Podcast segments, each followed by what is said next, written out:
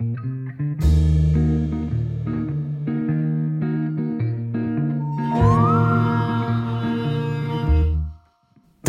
er en historie basert på virkelige hendelser. For å beskytte de involverte i denne saken har vi endret deres navn, hvor de bor, og stemmene deres er erstattet av skuespillere som gjenforteller deres historie med deres egne ord. Dette er Blod på veggen, en podkastserie i åtte deler fra Avhørt. Del fem.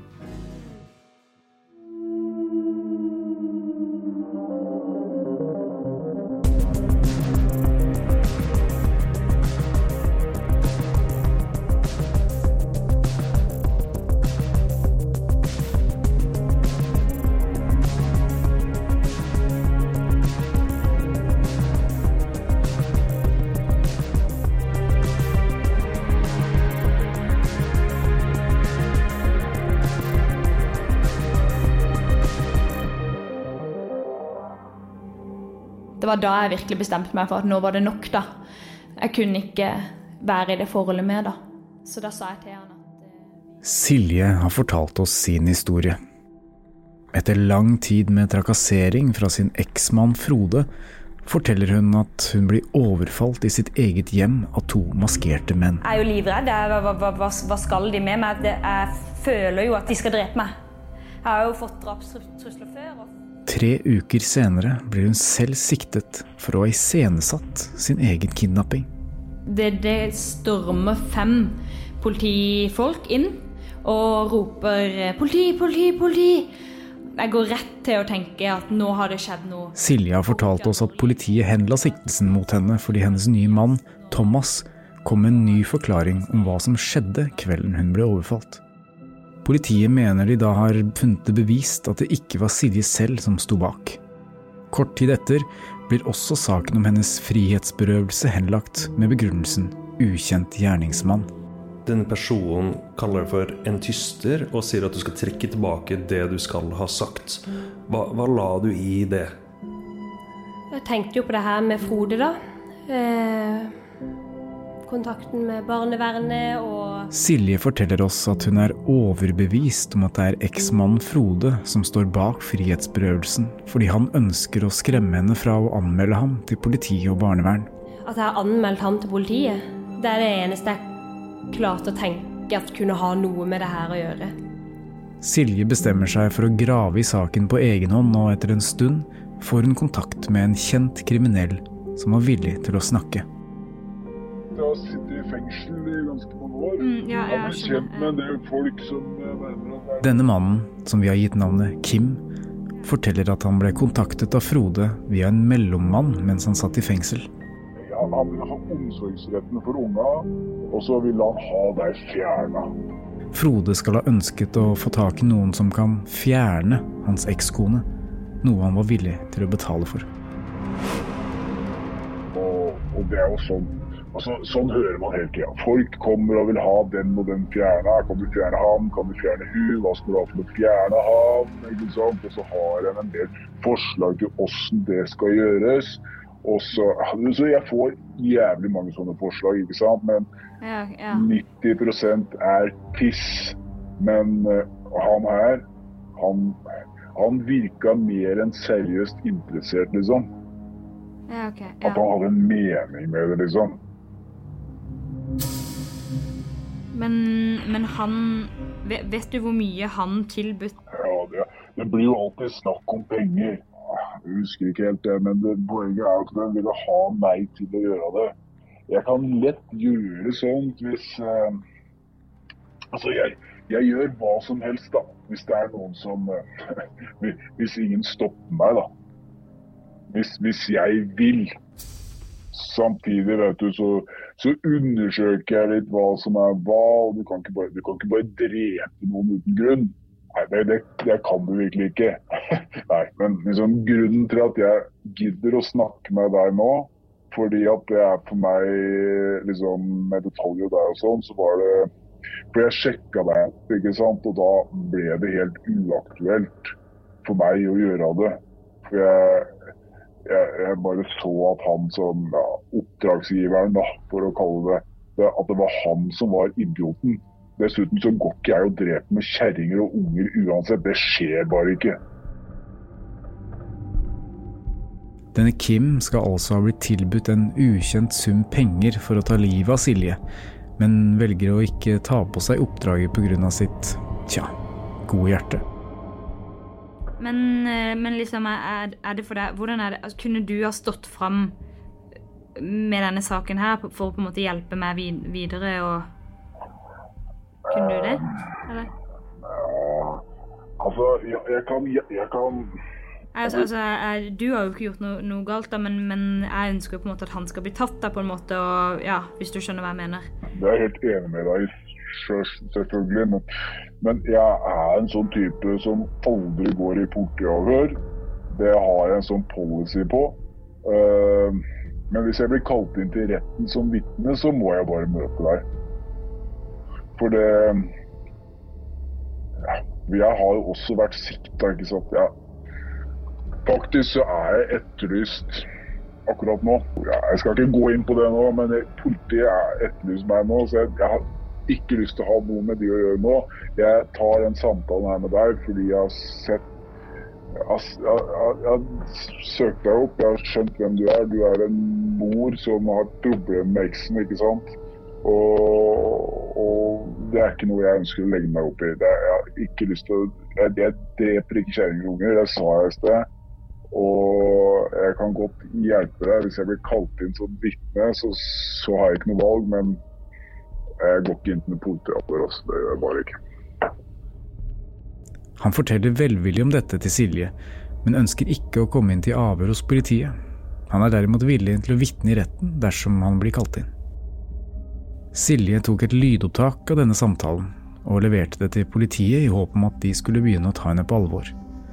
I denne podkasten spiller vi av vår gjenskapning av denne, som vi har anonymisert for å ivareta sikkerheten til de involverte. Men Helge Åstein Morten har fått høre hele den usensurerte samtalen. Uh, og da er det sikkert mange der ute som sitter og lurer på uh, hvorfor i all verden denne Kim plutselig skal ringe til Silje og fortelle disse tingene, men det har vært litt mer omstendelig prosess enn det, fordi i etterkant av overfallet og i etterkant av at hun selv ble siktet for falsk forklaring, som hun da ble frikjent for, så følte hun jo ikke at hun fikk noe mer hjelp fra politiet, så hun begynte jo å prøve å undersøke litt på egen hånd, og fikk etter hvert tak i en privatetterforsker som hjalp henne med å prøve å finne ut av hvem som sto bak dette overfallet, og det var jo kjølvannet av det at denne privatetterforskeren da finner denne Kim, og får vite at han har da fått tilbud om å drepe henne. Mm. Og det er da Kim tar kontakt med Silje og forteller det at dette oppdraget fikk jeg av Frode. Ja. Og vi har jo også snakket med denne private etterforskeren som har forklart seg for oss, og fortalt uh, hva han har gjort og hvordan han har fått til disse tingene, men han har valgt da å være anonym i denne podkasten. Uh, vi har jo også hørt uh, opptaket, og det er jo liten tvil om at han forteller at han gjennom en, en annen straffedømt som han sonet sammen med, som i utgangspunktet fikk dette tilbudet, uh, ja, vurderte å ta på seg denne jobben, men han uh, gjorde litt research, og han sier selv han er ikke den typen som går og dreper en småbarnsmor. Mm. Det som er liksom påfallende, er at denne Kim han forteller jo ganske villig vekk til Silje om innholdet i sine samtaler med Frode. At han liksom ikke holder disse, denne informasjonen liksom tettere til brystet. Det, det virker, jeg vet ikke, det virker på meg som om han har fått dette tilbudet, og så har han sjekket opp litt, og så ser han at det er en småbarnsmor med små barn, og så har han tenkt eh, dette er jeg ikke interessert i å være med på, og så har han Eh, etter å ha fått henvendelse fra denne private etterforskeren, snudd litt og tenkt at ok, jeg må jo advare henne. Mm. For uh, denne Frode, hvis det er han som står bak, kan jo, som Kim hevder, da, kan jo da eventuelt henvende seg andre steder, så han vil jo gjerne advare henne. Ja. Og ringer og forteller om disse tingene, og han uh, sier jo også til Silje at det er ikke noe problem for ham at hun går med disse opplysningene til politiet. Mm.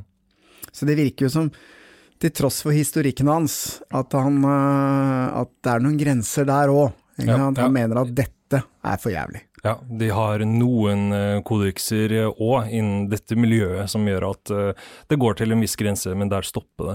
Eh, Det er jo greit å eh, bemerke at eh, det som skjer i bua, det er jo ikke det samme som eh, Frode skal ha foreslått for eh, denne Kim. Hvis vi skal tro historien, så foreslår Frode overfor Kim at uh, Silje skal forsvinne helt, men det som skjer i bua, er jo mer sånn et budskap. Hun får beskjed om at hun skal trekke tilbake det hun har sagt. For meg så framstår dette her som en sånn klassisk eskalering. Det starter i det små, med litt sånn klipping av bilskilt, kjøring, altså som vi har hørt om tidligere. Og så blir det bare verre og verre, og så tråkker man over noen grenser, og så plutselig så er det et kidnappingsforsøk med trusler, og så eskalerer det enda mer. Så det er jo ganske typisk for sånne saker, at ting bare baller på seg, da. Vi kan jo ikke utelukke heller at eh, det har vært et spill her hvor denne Kim har Uh, hva skal jeg si for noe, fått eh, betalt for å si disse tingene for å skremme henne ytterligere, da. Det kan godt være. Ja.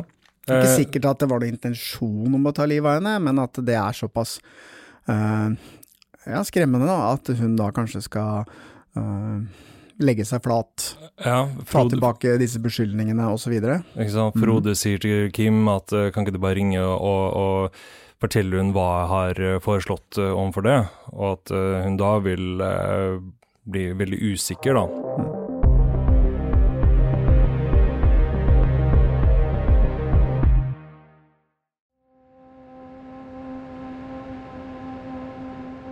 Sammen med lydopptaket leverer Silje også inn en anmeldelse av Frode, og Frode blir etter hvert siktet for planlegging av drap. Nærmere bestemt straffeloven paragraf 279. Forbund om å drepe eller å volde betydelig skade på kropp og helse. Dette er en siktelse med strafferamme på opptil ti års fengsel, og innebærer at minst to personer inngår avtale om å begå et av de aktuelle lovbruddene. Og man kan lese ut ifra Lovdata at den som inngår avtale om å medvirke til at andre begår drap eller betydelig skade på andres kropp eller helse, rammes av denne bestemmelsen. Hvis Kim hadde takket ja til dette oppdraget, ville han også blitt siktet i saken, men siden han skal ha takket nei, er Frode den eneste som siktes. Avhørt har denne gang fått full tilgang til saksmappen og Helge Aastein Morten har tatt en nærmere titt på de over 200 sidene med dokumenter. Det som er, eh, Vi har jo vært litt sånn kritiske til politiet i denne podkasten, men jeg må jo si at eh, akkurat med dette drapsforbundet så, eh, så gjorde jo politiet en del, og vi har jo fått veldig mye dokumentasjon. Vi er kanskje den hendelsen som vi har mest dokumentasjon på. Ja, Silja har jo vært klar fra første stund at eh, hun mener at det er Frode som står bak uh, alt dette her, og her sitter vi med avhørene av Frode. I arbeidet med denne podkastserien har vi gjort flere forsøk på å få Frode i tale, men han har ikke svart oss. Men nå som vi har fått tilgang til disse sakspapirene, kan vi lese Frodes fullstendige forklaring, og det kan være med på å gi oss litt mer innsikt i hans side av saken. Han, eh, Frode blir jo spurt om hva, hva han tenker om det han er sikta for. Og han eh, sier jo i avhørene at eh, det er veldig alvorlig, han, men han, han er heller ikke overraska over at han har blitt sikta for det her. Nei, for han refererer fra et eller annet eh, dokument hvor det står at eh, det reiser seg spørsmål om Silje har et lettvint forhold til hva som er sant eller ikke. Eller om hun har en svikt eller avvik i sin mentale opplevelse av hva som faktisk skjer og er sant. Og han forklarer at hun er gal, det er jo ganske sterke ord. Og han aner ingenting om denne saken. Nei, han knytter jo til eh, denne barnefordelingssaken som de har gående mellom seg. Og så blir han jo kjent med da, at det finnes lydopptak av samtalen mellom eh, Silje og Kim. eh, hvor Kim forteller om disse tingene. Han sier jo at han mener at den samtalen er iscenesatt, enkelt og greit. Ja, jeg ser jo ut av avhøret her at han, han spekulerer jo da om at uh, Silje rett og slett har gått til sengs med Kim for å få Kim til å, å komme med denne påstanden, da. Ja, Han sier jo at han ikke kjenner til eller vet hvem denne Kim skal være. I avhøret fremlegger Frode sin egen teori om hvorfor Silje skal ha diktet opp denne historien. Dette er det han forteller. Jeg siterer. Hun er villig til å gå langt. Det er opplagt strategi. Hun posisjonerer seg i foreldretvisten. Hun har en dårlig sak. At politiet ikke klarer å få fatt i henne. Fornærmede skader barna med den måten hun er på. Hun er ikke frisk. Hun holdt på sånn i november 2020 også. Eh, vi har jo vært inne på denne hendelsen i november i 2020 hvor eh, det sto en eh, mann ute i hagen, og, og det kom inn på Snapchat-trusler, og en, Frode ble pågrepet i hagen og, og plassert på glattcelle. Silje mottok jo plutselig et bilde av katta si på Snapchat og, og syntes det var veldig ubehagelig. Kontakta politiet, de kom hjem til hun. Eh, de kunne se da på denne karttjenesten til Snapchat at, at eh, den som hadde sendt det bildet, sto fremdeles i hagen. Ja, og de løp ut og pågrep han. Og da klarer han å si at i avhøret at hun holdt på sånn i november 2020 også. Og da får han spørsmål om hva hun mener med at hun holdt på slik, og da svarer han at hun drev og sa at siktede drapstruet henne og sto i gården hennes og sånn. Politiet tok telefonen til siktede, og siktede ble lagt på glattcelle i 15 timer. Han ble også ilagt besøksforbud mot barna sine i en måned. Men eh, det er jo et faktum at han sto der ute og ble pågrepet, men i avhøret så, så framstiller han som at eh, hun er gal, hun holdt på sånn i november 2020 også. Jeg gjorde ikke noe galt, jeg sto jo bare ute i hagen der, og så havna jeg på glattcelle. Er litt sånn merkelig. Ja, eh, det er rart at han forsøker å tilsynelatende forvirre politiet litt her, da. Men, men, det kommer litt uh, forklaringer på det kommer frem her. For her står det litt senere på spørsmål om siktede har hørt om dette tidligere. Svarte siktede at det har han ikke. Siktede trodde det var en nylig voldshendelse han skulle forklare seg om. Han har trodd at dette avhøret dreide seg om en voldshendelse. Hvis du går i avhør med politiet, blir kalt inn til avhør og tror at det dreier seg om en annen voldshendelse, da da har du vel noe svinn på skogen, da. Da har du vel en grunn til å bekymre deg for at uh, noe du har gjort, kommer opp. Han, han, ble tatt inn til avhør i forbindelse med forbund om drap men tror at det gjelder en annen voldshendelse. Hvor mye han her karen har vært borti egentlig, kan man jo stille seg spørsmål om. Men man kan òg stille spørsmål om ved politiet som da skal informere den personen som de tar inn til avhør. Uh, grunnen til at du sitter her i dag, er dette. Men det står jo egentlig helt til å begynne med, faktisk. Fordi det står har ikke fått det med seg. Uh, han er jo gjort kjent med bla, bla osv. Uh -huh. Men de har kanskje ikke sagt akkurat hva det dreier seg om, da. Ikke tydelig nok. Uh, okay. Men han får jo også spørsmål om han kjenner denne Kim, og det benekter han jo. Han sier at han aner ikke hvem det er, aldri hørt om fyren. Og heller ikke denne andre straffedømte som Kim kjente, mm. som også skulle ha vært involvert i det. Han aner ikke, ikke hvem det er heller. Han eh, refererer gjennomgående til denne her barnefordelingssaken, at dette er opplagt strategi. Hun posisjonerer seg i foreldretvisten. Det som kanskje er verdt å bemerke her da, Helge, er at eh, Frode hevder jo at det ble slutt fordi at Silje ruset seg. Og han har jo kommet med mange anklager mot henne også i årene etterpå, om at hun ruser seg jevnlig. Det er jo de samme anklagene som Silje kommer mot Frode. Hun påstår at han ruser seg, så de, de beskylder begge hverandre for å, å ruse seg og være uskikkede foreldre. Men hvis vi ser på dokumentene, så ser vi at uh, politiattesten til Silje er det ingenting å bemerke. Altså, hun har ingen dommer på seg for rusbruk. Men hvis vi ser på Frode sin historikk, så er han tatt for bruk av rusmidler mange ganger.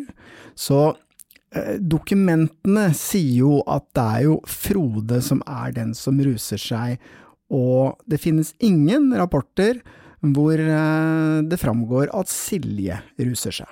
Vi kan jo ta opp den uh, hendelsen der Frode ble stoppa av politiet. Vi har prata om den i en tidligere episode av denne serien her.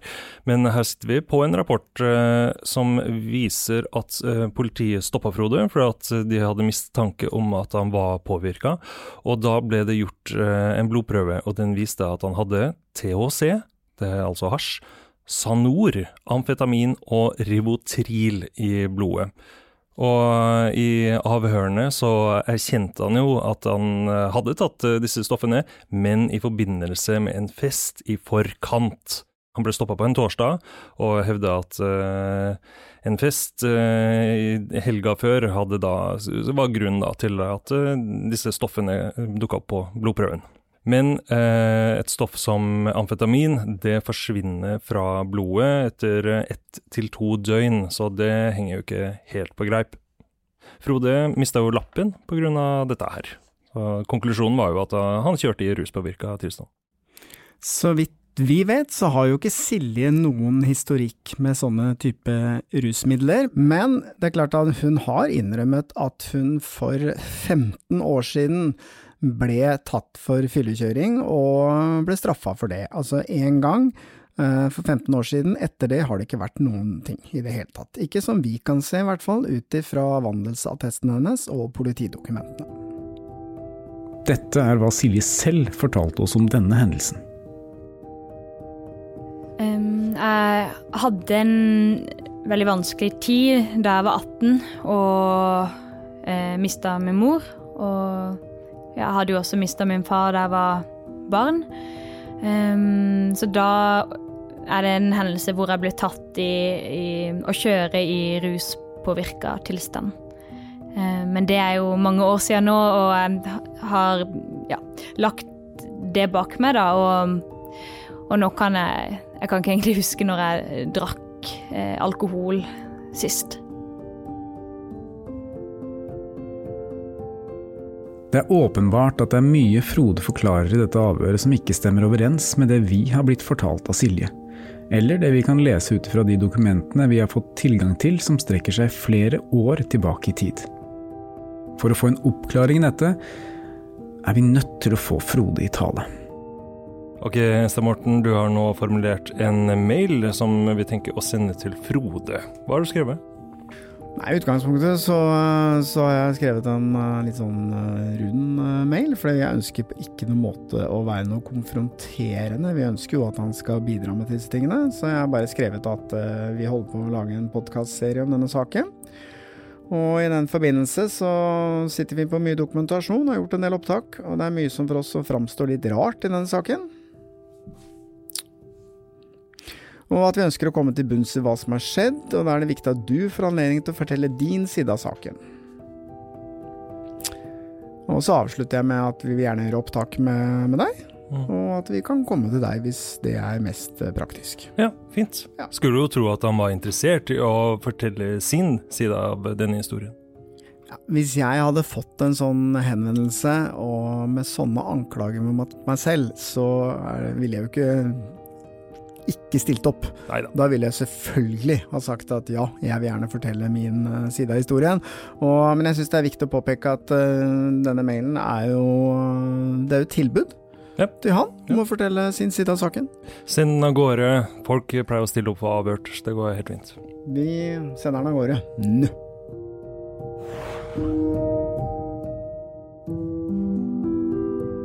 Som jeg nevnte tidligere, så har jo politiet tatt dette på alvor, og de har jo gjort et avhør av uh, Frode. Men uh, denne Kim, han gikk de litt hardere til verks mot. For der eh, så slo de jo inn eh, døra hans og beslagla en hel haug eh, telefoner. Og de ville ikke gjort det hvis ikke de mente at dette var At det var skjellig grunn til mistanke, da. Nei, det, han Kim var jo en person som var interessant for politiet i utgangspunktet, så det her var en fin anledning til å gå inn i hans hus. Det som er rart, er at Frode han har aldri fått noe ransaking hjemme hos seg. Nei, og det er det jeg syns er litt rart med den etterforskningen. At når de først eh, skal ta dette på alvor, så, så slår de inn døra hos Kim, men de gjør ingen ransaking hjemme hos Frode. De ringer til han, kaller han inn til avhør og ber ham ta med seg telefonen sin. Og det er det. Det er litt sånn rart. Og vi eh, fikk jo faktisk en eh, veldig, veldig erfaren politimann, som nå er pensjonert, til å lese gjennom alle dokumentene og se på den etterforskningen, og han sa til meg etterpå at konklusjonen hans var at eh, denne saken burde vært etterforsket lengre og ytterligere, her har de stoppet for fort. Og vi har også hørt, men det er en påstand, da, om at denne Frode, han har jo ikke bare én telefon, han har flere, og han reiser over til Sverige for å kjøpe såkalte burnere, altså telefoner som du kanskje bruker bare én gang.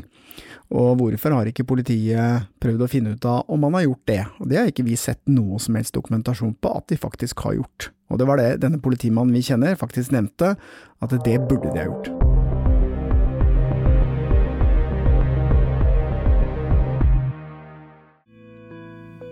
Politiet har innhentet teledata fra Silje, Kim og Frode. I hvert fall de telefonene de har hatt tilgang til, og i disse dokumentene kan man også lese hele telefonsamtalen mellom Silje og Kim, transkribert ord for ord, akkurat slik vi har hørt den. Ut fra teledataene kan man se at det ikke har vært noen kommunikasjon mellom Silje og Kim før denne dagen, men heller da ikke mellom Kim og Frode. Kim skal ha hatt hele fem telefoner som politiet tok beslag på, mens Frode altså hadde to telefoner, men kun én som ble undersøkt av politiet. Det eneste som vi ser at politiet har beslaglagt uh, hos Frode, er jo en Samsung mobiltelefon. Han får jo spørsmål om han har flere mobiltelefoner, og da sier han òg at han har en Huawei-telefon, men at den bruker han ikke noe særlig. Så den uh, Politiet slår seg til ro med det, og, og ser kun på hans Samsung mobiltelefon. Og da kommer vi jo til kjernen i denne saken i forhold til hvorfor den ble henlagt. Fordi etter å ha gjort denne etterforskningen, så konkluderer politiet med at de finner ikke noe kommunikasjon mellom Frode og Kim på de telefonene, Derfor så er det ikke noe grunnlag for å opprettholde siktelsen, og saken blir henlagt. Men de har altså ikke giddet å se på den andre telefonen. De har ikke giddet å undersøke om han faktisk har reist over til Sverige og kjøpt såkalte burnere. Og det er jo det uh, denne etterforskeren som vi har snakket med, reagerte på at her burde jo politiet ha gjort en mye større jobb. Ja, og i Sverige så har det helt frem til nylig vært mulig å kjøpe en såkalt burner, altså kjøpe et mobilabonnement som ikke er tilknytta en person. Sverige har jo eh, eh nå nylig endra på det pga. at det har vært eh, utstrakt bruk i kriminell sammenheng. Dette er hva som står skrevet i avhøret om Frodes andre telefon. På spørsmål svarte siktede at han hadde to telefoner. Den han hadde med seg, og en til, som ligger i et vitrineskap på kjøkkenet hjemme. Siktede forklarte at han ikke får låst opp den andre telefonen, da politiet har hatt den over lengre tid i forbindelse med en annen sak, og han har glemt låsekoden.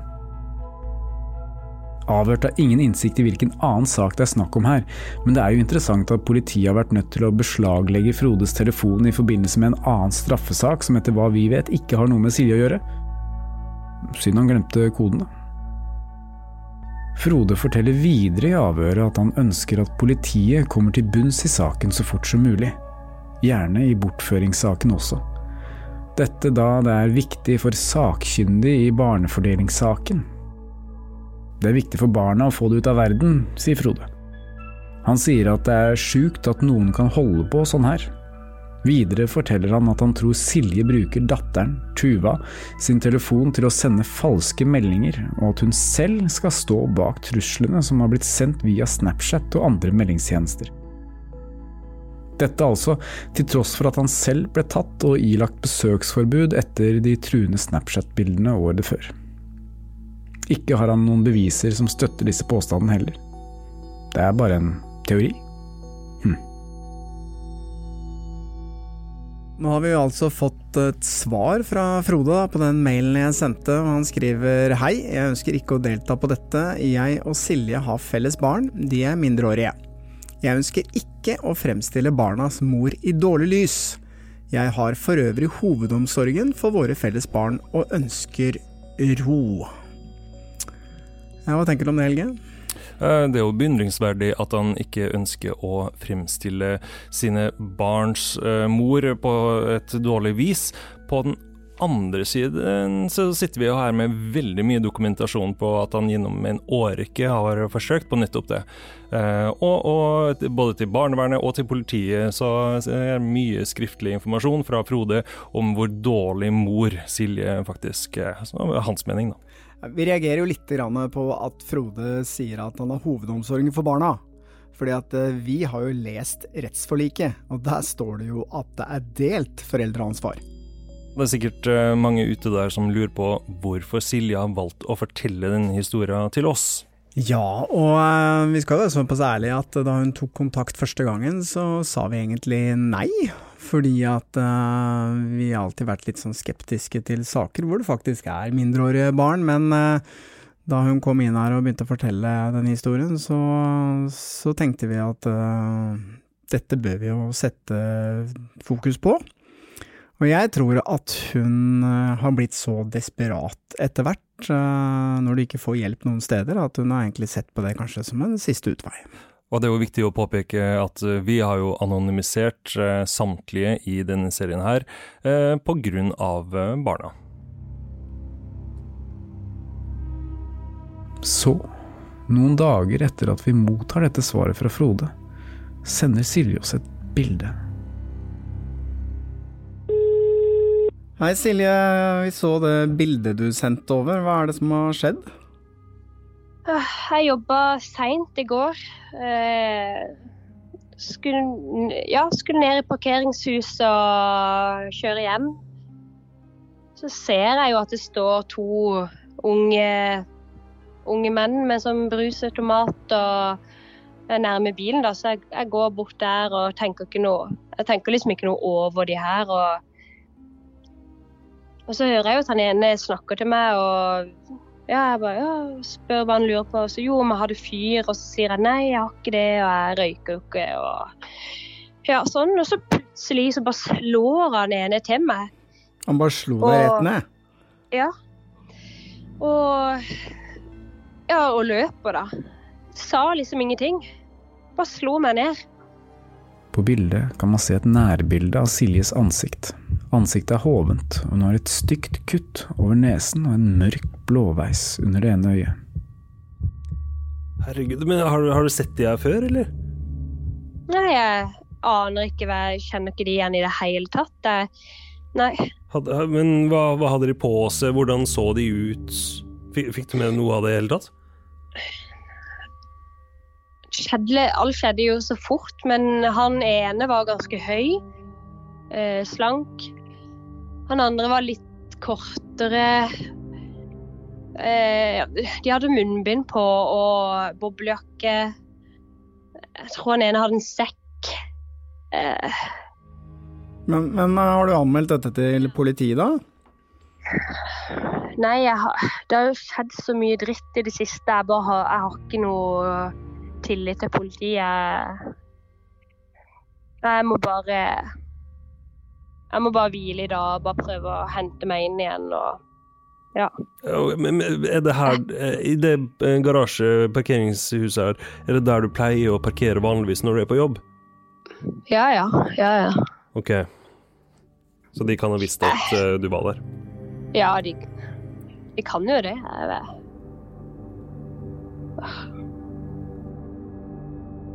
Silje har nå fortalt oss at hun blir møtt av to unge menn i et parkeringshus ved der hun jobber. En av dem spør om fyr, noe hun ikke har siden hun ikke røyker, men før hun vet ordet av det, slår han henne i ansiktet og de løper av gårde. Silje blir sittende lamslått på det kalde betonggulvet med et stygt kutt over nesa. Kan dette ha vært de samme personene som overfalt Silje i bua? Er det flere i denne lille byen som har mottatt dette påståtte tilbudet fra Frode? Og er det tilfeldig at dette skjer rett etter at vi sender en mail til Frode? I neste episode skal vi grave mer i Frodes historikk og Avhørt redaksjonen for å kjenne det på kroppen når trusselen rettes mot oss selv.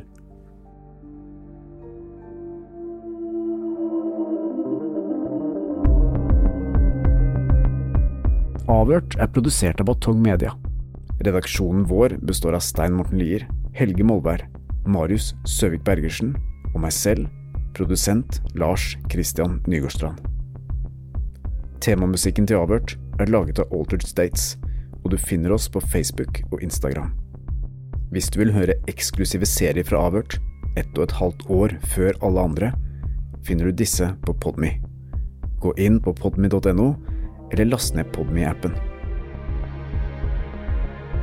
Ansvarlig redaktør i Batong Media er Stein Morten Lier.